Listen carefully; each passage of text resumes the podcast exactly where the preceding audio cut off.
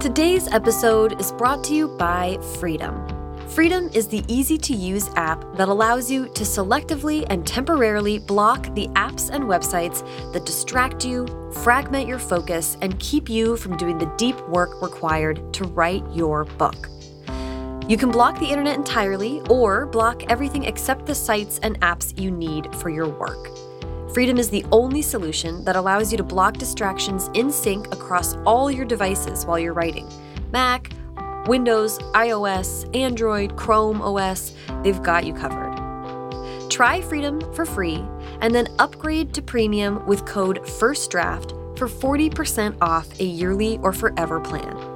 And you're going to want premium because that unlocks features like unlimited sessions, unlimited devices, locked mode, and the biggest deal of all, in my opinion, advanced and recurring scheduling. That means that you can plan ahead of time to tell Freedom, hey, I don't want to go on Twitter during work hours from 8 a.m. to 5 p.m.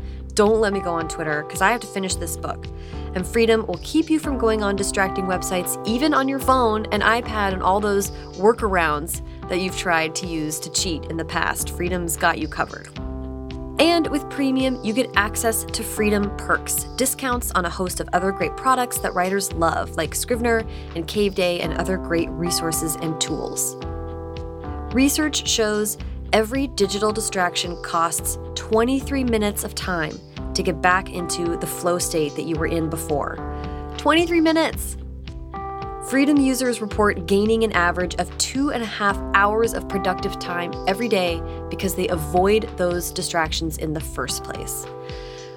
Two and a half hours of time. Time is the only non renewable resource, people. it's like more valuable than gold.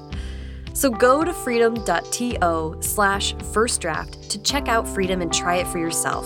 And don't forget to use offer code FIRSTDRAFT, that's all caps and all one word, for 40% off a yearly or forever plan. Freedom.to slash firstdraft, offer code FIRSTDRAFT.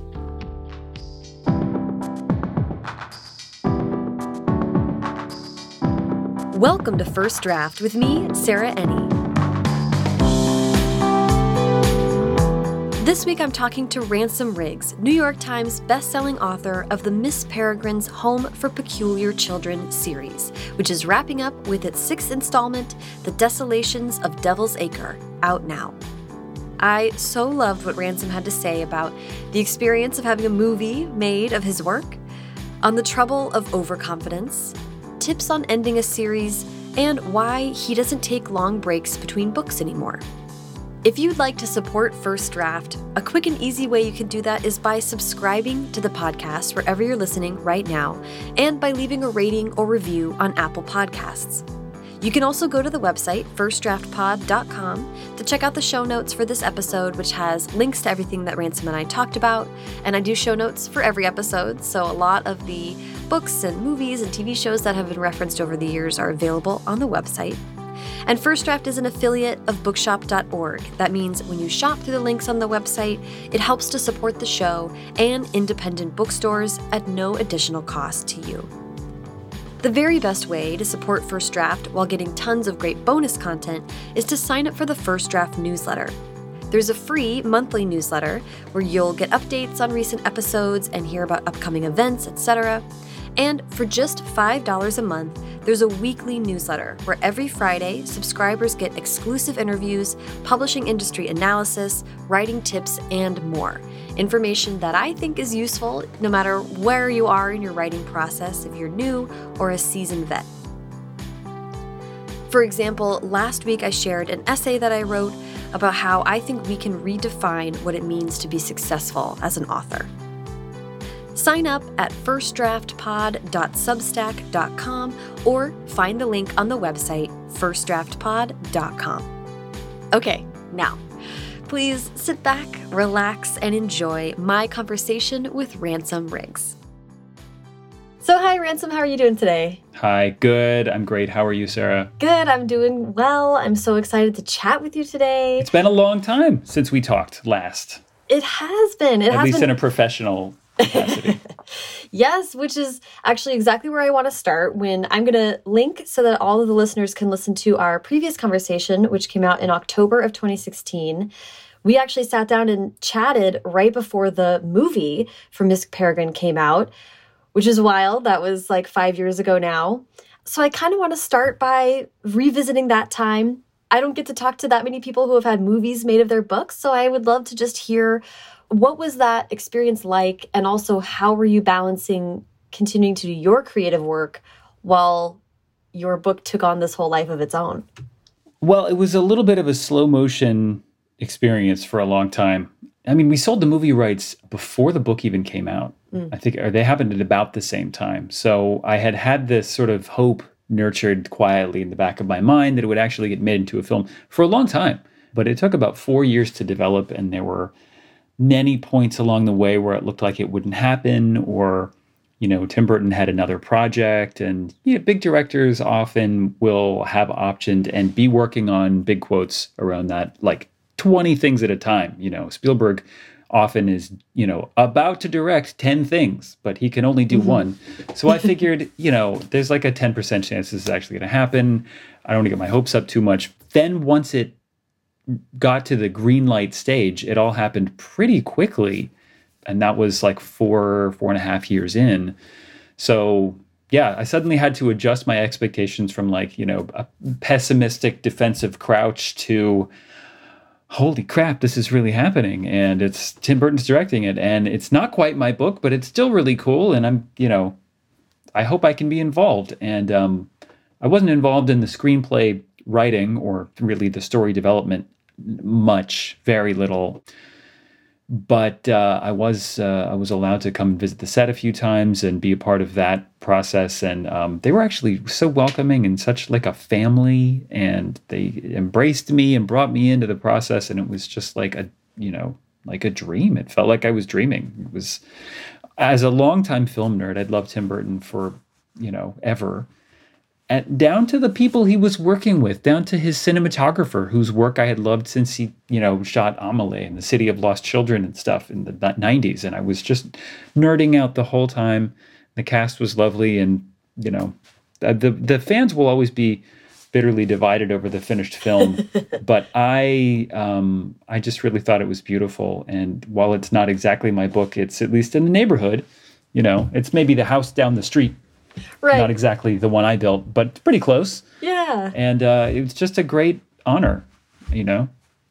And I did not do a great job of balancing writing with that experience. Uh, I, I did manage to do the Tales of the Peculiar, mm-hmm.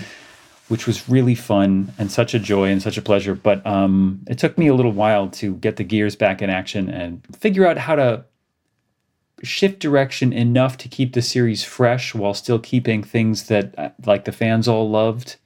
Mm-hmm. So um, there was a little bump in the road in terms of timing. It was like three years, I think, between God, yeah, uh, Library of Souls and A Map of Days coming out. Then I got my ass in gear and the, the well, last three books came out a little closer together.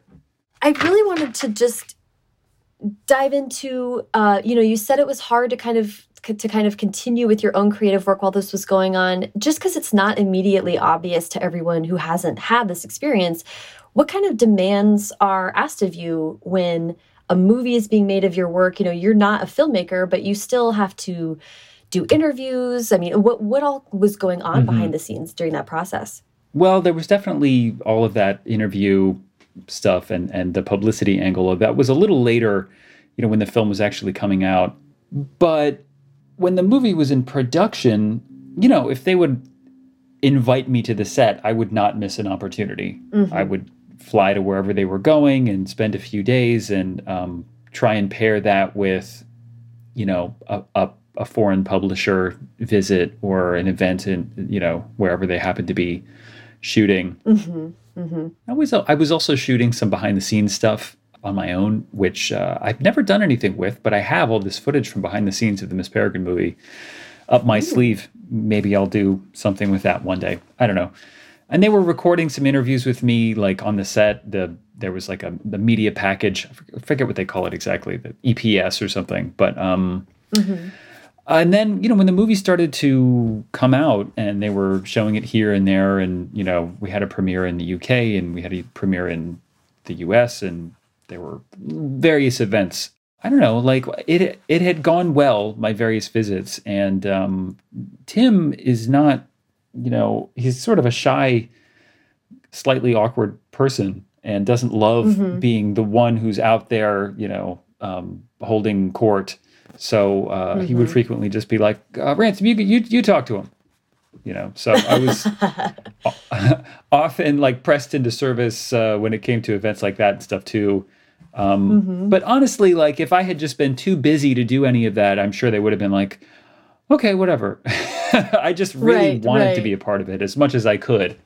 Yeah, of course. I mean, that makes total sense to me. And I, I feel like also, you know, it, that's part of the reason why I'm so interested in it is there's a tension between do I continue this career that's been on its merry way or do I pause and sort of smell the roses of this once in a lifetime opportunity? You know, that's it's an unusual position to be put in. Yeah. Well, I mean, I knew that it was a big opportunity for the books to reach a much wider audience. So I thought if there's anything I can do to help push that and show my support, you know, to whatever degree it was true on this project, you know, the author's endorsement is is meaningful. Mm-hmm. So I thought, you know, my job right now is to make sure that like the movie is well received, provided I like it, which I did. Right and then you know that that will give the, that'll provide the series a bit of a trampoline and then I'll keep going. Yeah, and that that's such a good point and that that kind of leads me to my other question about this about this time is you know, what does having a movie come out do for the publishing side of that book? Anything you could kind of say to that like it does obviously as you say bring your work to a much wider audience. Yeah. Well, um, you know, it's like pouring gasoline mm-hmm. on uh, on a relatively small fire. Suddenly, it's everywhere, and mm-hmm. um, it's essentially, you know, the pe- people in the book industry will sort of snot, uh, somewhat snarkily say that like a movie is the best advertising campaign a book could possibly have. Mm-hmm, mm-hmm. Um, because the marketing budget of a Hollywood, you know, a fairly big budget Hollywood film is many multiples of what any um, even the fanciest book marketing campaign could possibly be. Mm-hmm, so mm-hmm. Uh, you just it's to another degree you reach so many more people. So it, it it turbocharges awareness of the book and the and the series. And um, you just sort of try and surf that wave and hope it doesn't crash against the rocks. And uh, and then just say wow what a blessing. Um, you know, I'm going to continue. I'm not going to look look this gift horse in the mouth. Mm-hmm. And um, the whole time, I you know, I did not have a clear idea of what I wanted to do next with the series uh, while the movie was happening. Mm-hmm. After I released Tales, I realized eh, for a while I thought maybe I'll just go and write something completely different, but I just kept wondering, like, you know, what are the kids doing in America? And wouldn't it be fun to explore the U.S. through the sort of reverse fish out of water eyes of these peculiar kids. And so, um, yeah, kind of, you know, I was like, if I'm ever going to write these books, I should do it now while people care. Right. While people still are paying attention and still care. You know, doing it in 10 years doesn't make any sense. And um, I kept thinking about it. So I thought, now's the time, I'll do it. Yeah, that's so great. And that that was the other thing I was thinking was the uh, Library of Souls came out in 2015 the Miss Peregrine movie came out in 2016. And then, as you say, Map of Days, Conference of the Birds, The Desolation of Devil's Acre all came after the movie and they're their own trilogy kind of in and of themselves. So I'd love to hear what your uh, process was. This kind of ties into one of the questions I got from a listener. Um, this listener, Betsy is Awesome, asked how to develop ideas for a series I'm wondering how you developed the concept of the new trilogy and what that process was like for you. I always try to plan ahead in terms of what's in the story, uh, an outline, and you know, I would love it if I was the kind of writer who could just sit down and and and map out the whole narrative and then just write what I mapped out. It never seems to work that way. I'll come up with a plan and then, you know, halfway down the road I'll think of something better and change it all. But mm-hmm. I need mm-hmm. that plan to even start down the road. So, what I try and do when I'm planning, be it a new book or a whole new trilogy, is to just leave myself room to have better ideas later. Um, mm. and not box myself in too much and and create you know a wide open space for story potential. Mm-hmm. I knew I wanted to bring the kids to America and explore the big mess that American peculiardom was going to be. Mm-hmm. Uh, I didn't really know how it was going to end. I didn't really know where it was going to go after Map of Days. So with every new book, you know, I'm left with the possibilities from the book before and it could go left or right or you know any number of directions mm-hmm. and uh, writing the next book is just like a, a, winnowing of possibilities and and shutting various doors until a path appears um, so yeah i try to be a planner but the ideas i have in the flow of writing always seem to be better than the ones that i have when i'm just sort of you know analytically outlining far in advance, those ideas always feel a little bit dry mm. compared to the ones I have in the moment. Mm-hmm. Yes, I know exactly what you're saying. I'm like you, where having at least something of a roadmap helps me get started, and then you can just tear it up and do what you need to do as better ideas reveal themselves. Were there any lessons that you learned from executing the first three books that you were able to like use to make anything any easier for yourself for the last three? For sure, yes. I had to learn how to incorporate the pictures into the narrative in an efficient way mm. that felt organic and still, you know, surprising. I mean, I was teaching myself how to write novels the whole time. You know, Miss Peregrine was my first book length uh, fiction. Mm-hmm. So I had written some short stories before. I'd written some screenplays, but I was I was teaching myself as I went. So it was only really like by the end of Library of Souls that I kind of started to feel like I think I know what I'm doing, and maybe next time it won't be so hard. But it, it, was. It was very hard. Map of Days was really hard. Mm-hmm. so I think I learned that um, overconfidence will get you in trouble. Uh, and every new book you start is like the first book you've ever written. Mm-hmm. Yeah, that's that's very relatable to me. Yeah, and speaking of the pictures, like of course, a lot of the questions that I got from listeners were related to the pictures. The question I'm sure you've gotten a, zillion times, but I'm interested in uh, the a listener Will Brew writes says, "Did you really find all these pictures in your books?" And I know that you did for the first at least two or three books, but I'm I'm also curious about. I know fans bring you pictures at events and things like that. Like, how have you sourced uh, or has the sourcing of the photos that you use changed? Well, that's gotten more efficient too. In the beginning, I had nothing. I had a you know a very small collection, mm-hmm. and um, I was just starting to make contacts with uh, photo collectors who'd been doing this for a long time and had really big, mature collections. And over the years, I've I've, I've nurtured those friendships and um, gone back to various people again and again who have started over the years to recognize patterns and figure out what I want. And mm. they will just say, Hey, Ransom, I've got some weird stuff for you. this seems peculiar, or, you know, whatever.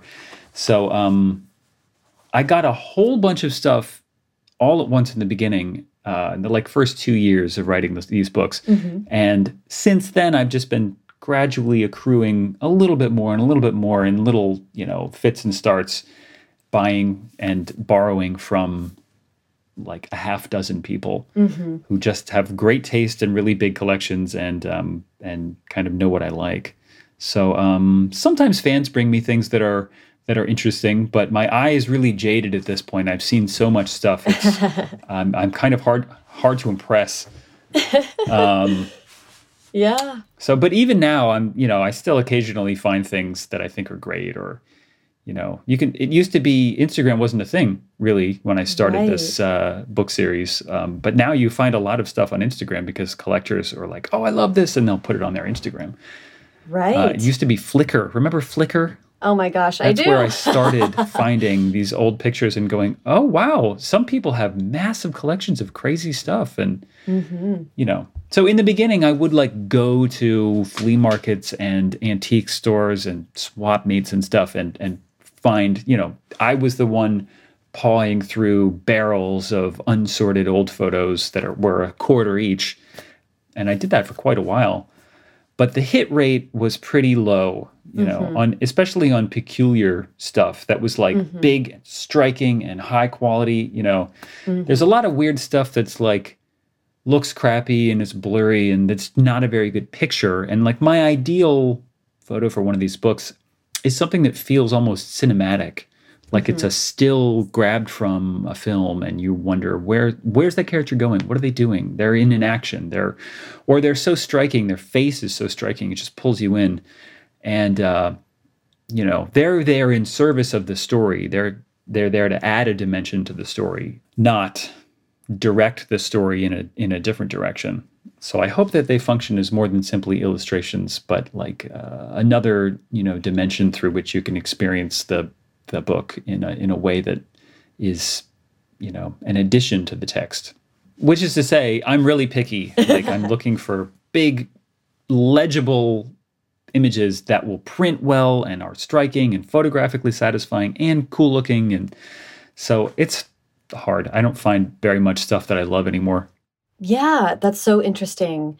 And makes sense as an evolution. When you see that many, you you get an eye and you become discerning. That's what happens with all expertise, right?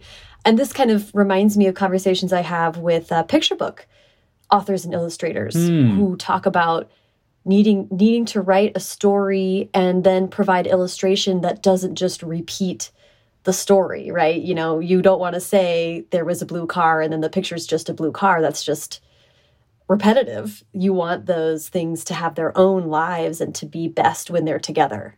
Yeah. Uh, the reader has an imagination. I mean, I feel like the, the, you know, a book is built between the writer and the reader and the reader's eye, the reader's imagination, mm. where their mind is generating images of everything that you have described. Um, and sometimes, you know, if you actually put a picture in there, it can cut against what they were imagining and kind of ruin the illusion. Mm-hmm. Um, and I'm sure the same is true of illustrated books. So they have to, you know, fulfill many functions, but you know, one of them is is not only, you know, supporting the text with, yep, this is what you read about, but here's something, you know, some added dimension that you didn't quite read about in the text, mm-hmm. but uh, you can only see by looking. Yeah.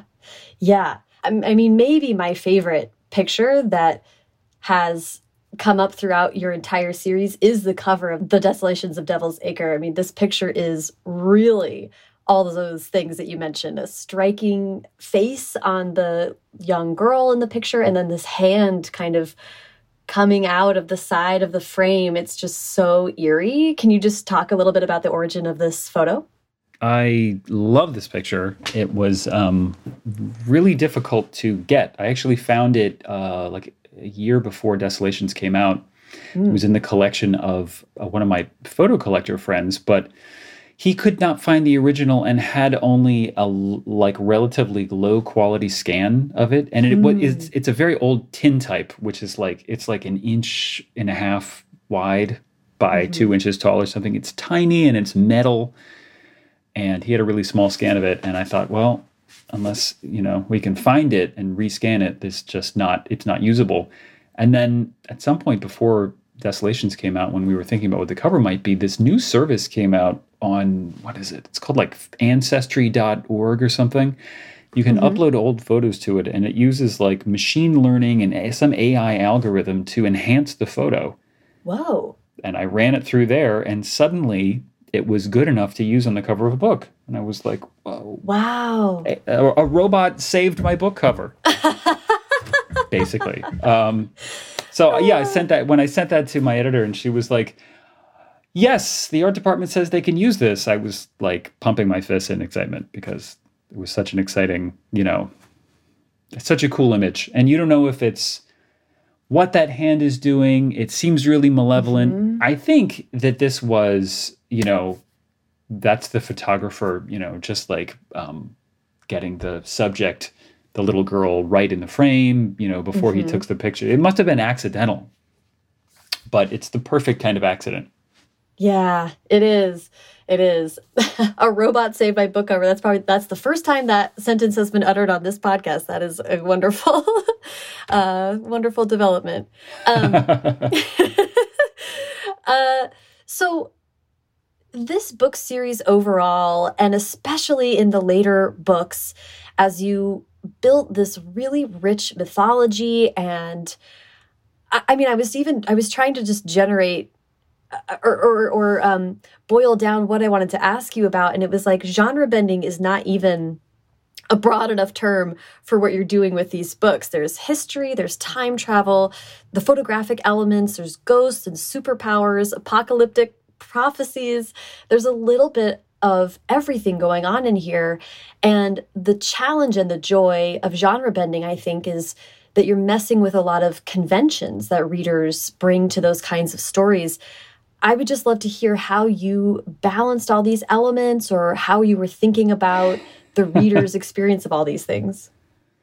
I don't know how I balanced them all. I'm glad you think that I did.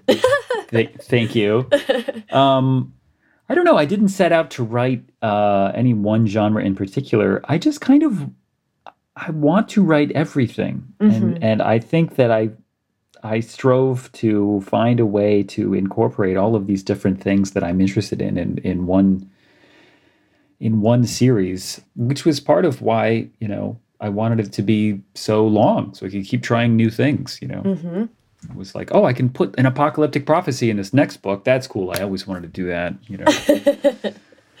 so yeah, I mean, the first book was definitely a, ma- a mishmash of, you know, mystery and a little bit of supernatural horror and uh, contemporary, you know, drama story about a boy who's lost his grandfather and is struggling with what he thinks might be mental illness and, um, you know, a traditional like uh, coming of age adventure story. It's a bunch of things. Um, plus, it has like old black and white photos, which I thought teenagers will not care about, and this is going to be a flop. Um, but somehow this weird soup of different ideas and genres worked. So yeah, I've just been adding to it ever since.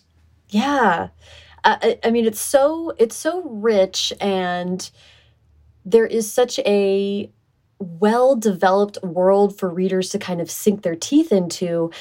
As a result, you have created the, a fan base that is um, I don't even know exactly if there is a term for what I'm trying to describe, but there's different kinds of fan bases, in my opinion, and and your fan base reminds me kind of like a Cassie Clare fan base, or or um, or even Harry Potter, where people immediately, whenever you have an Instagram live or do a live event, they just have questions about like the rules of the world or specific characters and what's going yeah. on with them. It's like a, a fan base that wants to be like creating the wiki all the time, I think, um, which is so yeah. cool.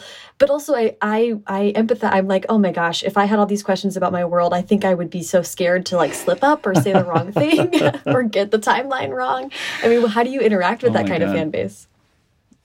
Well, they catch me all the time in you know inconsistencies, and I'm like, "Oh, right, I said that he didn't." Well, you know, there's there one exception to this rule is just this. uh, you know, luckily they're they're very forgiving, but they often catch things that I didn't think of, wouldn't have thought mm. of, didn't notice.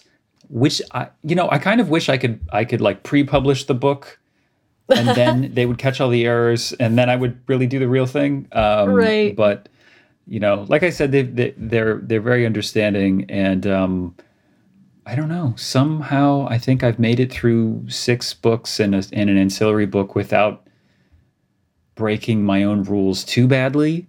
Um, mm-hmm.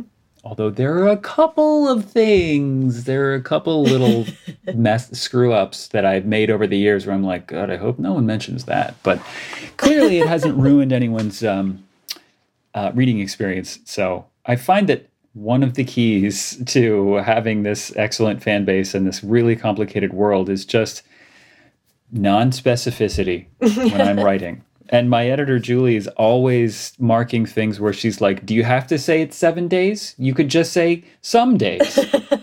you know. Right. Don't put too fine a point on almost anything if you don't absolutely have to and mm-hmm. it'll just leaves you a little wiggle room. So that discipline has helped me a little bit. I often will consult the Peculiar Children wiki Mm-hmm. that the fans maintain because I'll be like, which of the Peculiars did XYZ? And nine times out of 10, it's already on the internet, which is really helpful. Yeah, that's what I was gonna. Uh, I I had the chance to speak to Cassandra Clare recently, and she was talking about having a full time assistant whose job was basically consistency and re- you know research of her own world. So I, I and she talked about digitizing all the books Wow. and having a. I mean, she's obviously got a whole system by now, but I just wondered if there was any kind of reference materials you keep handy, or someone at Penguin whose job is to kind of specifically note all these things, or how do you handle that on the back end? No, I mean that's theoretically um, my my editor's job, I guess. But like, I don't think any one person, unless your books are all they read, is, is really even capable of that. So, um, uh, no, I don't. That yeah, I've heard about the assistant thing. I didn't know Cassie did that. That's really cool. I know Yeah. George R. R. Martin has a person like that too. Um, but you know, Cassie's world is like even much more developed than mine, and she's got a lot more books, and her books are bigger, and sh- I think she just needs that, probably in a way that I don't yet. She's in another league. Well, she also started before the wiki. I mean, was a thing. I think so. She, I think, she had to Yeah. had to do it on her own for for a while. I'm sure. Yeah, but when you you know you've got like books are in the double digits. Um, Yeah. I'm sure you need somebody keeping tabs, or uh, you're going to catch hell when your books come out, and people Yeah. are like, "Don't you read your own books? I've read them 50 times." and the secret is like most of us don't actually uh, very often. It's, it's a it's a strange form of um, of masochism to reread your own book. Oh my god. Yeah. I'm j- I just go through and find errors and things I wish I had I could change, and now it's too late. yeah. It's not. It's not a. a altogether pleasant experience. So uh no, Not I'm always, glad, I'm glad the wiki is there for you. I want to talk about releasing these books you know um first let's talk about just the emotional experience of knowing that this is coming to a close and then i want to talk about the actual um, release experience the especially the conference of birds release experience versus this experience but um, you know your, the desolations is uh, is the end of a chapter of your book series and also your life so i'm i'm interested in how you're feeling about it right now Well, it's uh, it was a while ago that I actually finished the book, and it was very emotional, to be honest. Reaching that last chapter and writing those final pages, it was it was quite emotional. It's been a long journey, and I can't say anything without spoiling everything. But um, I I strove hard to you know create a satisfying ending that also didn't let the characters off too easily because th- you know you have to put them through hell and uh, have them you know escape the clutches of death in a believable way and i you know i you want to leave those characters in a in a in a resting place where when the when the reader finally closes the book when they imagine what the characters are doing or where they are they're not just crying you know they're like at least you want to feel like they're being taken care of you know somehow. I'm being very vague because i just don't want to spoil anything. Um, but it, it was it was definitely an emotional uh, it was an emotional experience. Even when i was editing the book and i'd already read the scenes many times and going back i was like oh it's over. Bye friends Right. you know? Which is not to say I, I gotta say like i spent a decade creating this world and these characters which is an argument for saying that's enough. Uh, that's a decade of my life. Thank you. I'd like to do something else that's a valid argument it's also possible to say you know i put a decade into creating this i don't want to just like kick it to the garbage heap uh, perhaps i will return one day Mm-hmm. Mm-hmm. Well, you know, it also strikes me that, um, you know, you live with another writer, uh, and Tahereh has also wrapped up a long running series re- within the last year or a couple years uh, with the Shatter Me Yeah. series. So you kind of were. I'm, I'm interested in were you able to kind of help each other through this or were you commiserating about this process? Oh yeah, I mean we talk about everything and we um, uh, we help each other all along the way. She's my first reader. I'm her first reader, and uh, I think we're we're each other's um, biggest cheerleaders, and we're also mm-hmm. not afraid to you know point out issues and problems and stuff. But um, mm-hmm. it, it, the the timing is almost uh, you know uncanny mm-hmm. that when we met, we were both promoting the first book in our series, and just you know within a year, we both released the final book. Yeah. Um, so it was really interesting to have those parallel career moments like lining up. So um, no, it's really helpful to have someone who knows uh, my particular brand of crazy living in house and can sympathize. yeah, that's that's uh, um, all of the ways that you know. I I was telling my mom like, well, you know, the next time I have a book come out, I'm going to just, it's going to be just as wild as it was last time. Like, I don't think that part gets any easier. So, having people around who understand that, uh, the emotional roller coaster of these experiences, so helpful. Yeah, definitely. Um, definitely. Be they friends or family or, you know, but it helps if they have had some experience in the in the writing world because it's a unique set of experiences. Mhm. Mhm. Well, speaking of unique experiences, I want to talk about the the sort of I want to say it's a pandemic bookending. We're not quite at the end of the pandemic yet, but you your tour for the Conference of the Birds was so cool. It was from January 14th to 26th in 2020. You had stops in North Carolina, Georgia, Alabama, Louisiana, Texas, New Mexico, Arizona, California. There was a van with pictures of the book covers on it. It was so cool. And like almost immediately after that tour ended, we all had to go inside our houses and not go out. And now you are releasing The Desolations of Devil's Acre in such a different environment. I would just love to hear what that tour was like and what the experience of releasing this book has been like.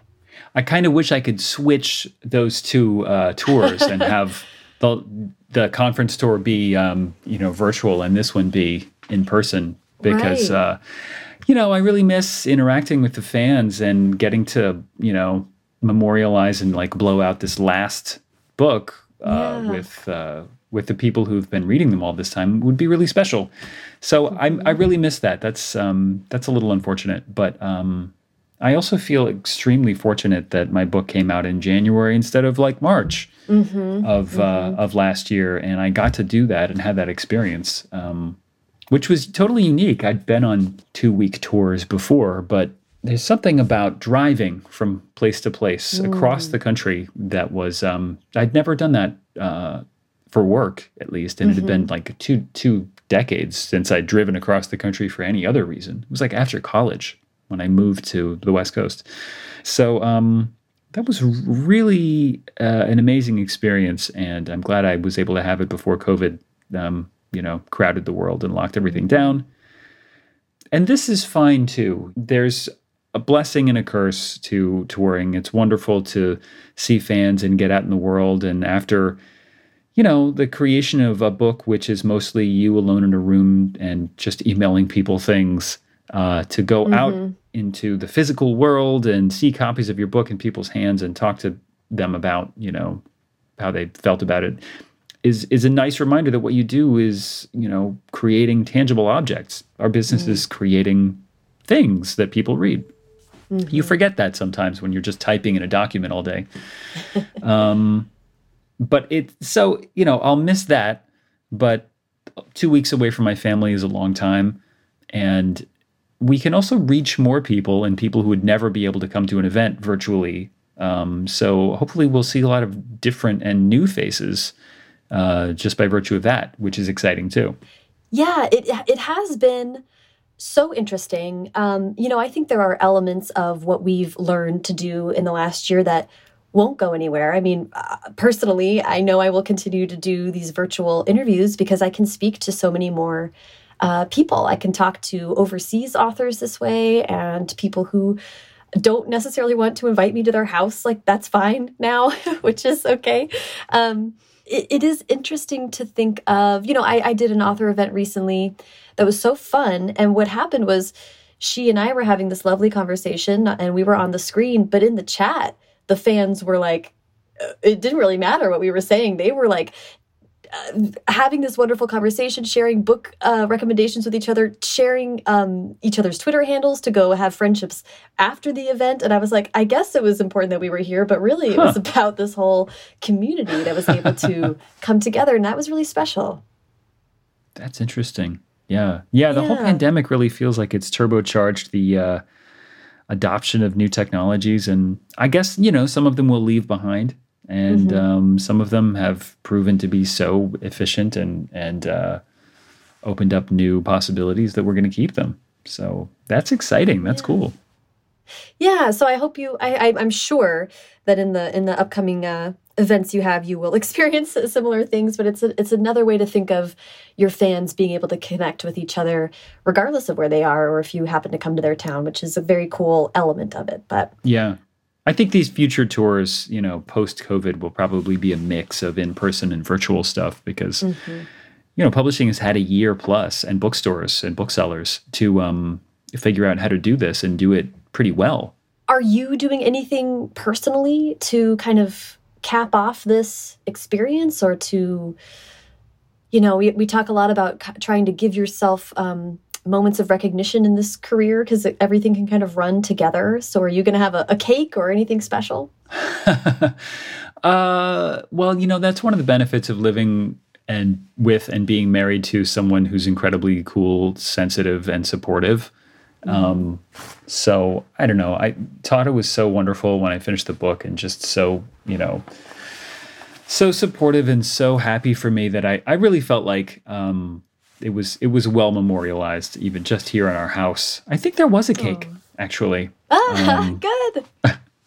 but uh, I have uh, in the past I have taken like long breaks between books, and I don't I don't like doing that anymore because I just lose the thread and I lose the momentum. So um, mm. like five days after I turned this in, I started on something new, um, which I can't talk about, but. Um, it's just uh, it was just important to me to keep the to keep the rhythm that I had spent so long uh, developing that I didn't lose the habit of writing every day. I, I would love to hear about your writing routine and your day to day. How do you structure your writing time, and has it changed at all over the last year? It has a bit. Uh, we started getting up much earlier. Uh, we found out that there's this mm. wonderful time called before the sun comes up, when no one is stirring in the house. You know, our daughter's not awake. No one's calling. Nobody's sending us emails. And uh, sometimes we can get, you know, two and a half hours of just pure, unadulterated writing time with ca- with coffee mm-hmm. uh, early in the morning, and mm-hmm. then that like sets the tone for the rest of the day. Um, and rarely do I have ever like eight hours in a row to just write. That doesn't happen anymore. I have too many other responsibilities. But um, usually I can get two or three hours here, two or three hours there, you know. So there's like before the sun comes up, there's the, you know, the mid morning, and then there's, you know, after, between lunch and dinner. Um, mm-hmm. And then, uh, and then is like total childcare and, uh, you know, putting putting on my parent hat, taking off the writing hat. But that's enough to uh, to put out a book, you know, every like year. I think if I'm if I don't write it really terrible in the first draft, right? oh my gosh, this has been so fun, Ransom. You know, I like to wrap up with advice, so I will just ask uh, if you have any advice for people who are setting out to tell a story that may need more than one book. If you have any advice for that. I would say uh,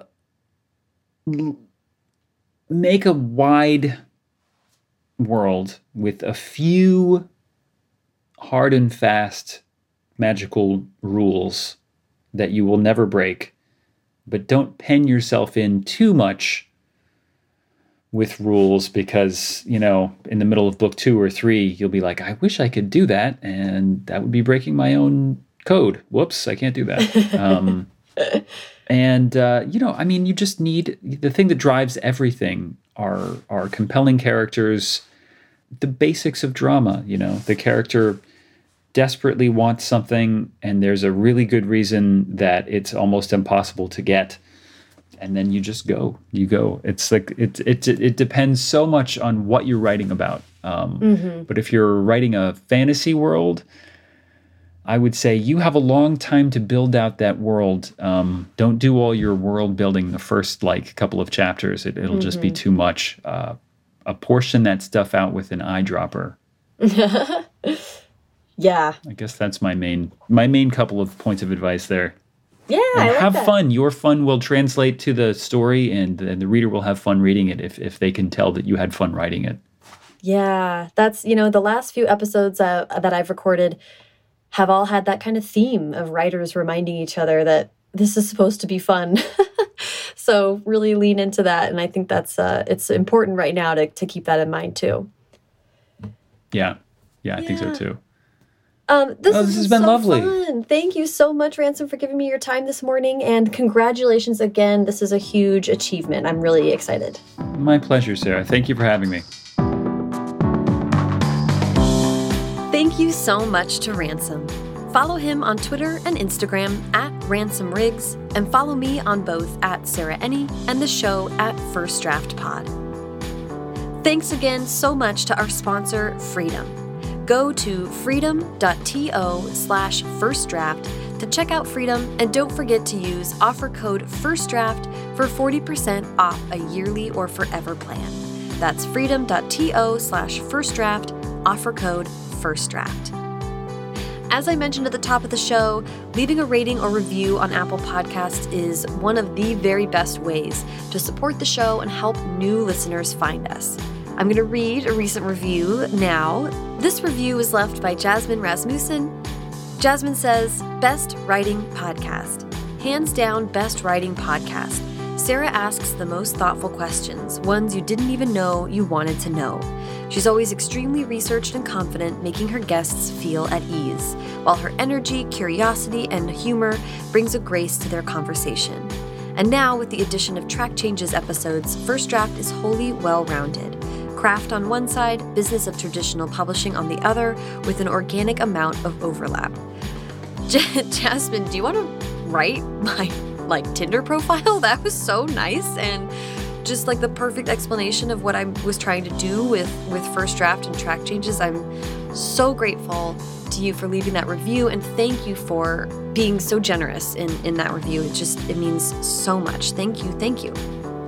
First Draft is produced by me, Sarah Enni, and today's episode was produced and sound designed by Callie Wright. The theme music is by Dan Bailey, and the logo was designed by Colin Keith. Thanks to social media director Jennifer Nkosi and transcriptionist at large Julie Anderson. And as ever, thanks to you, book saving robots, for listening.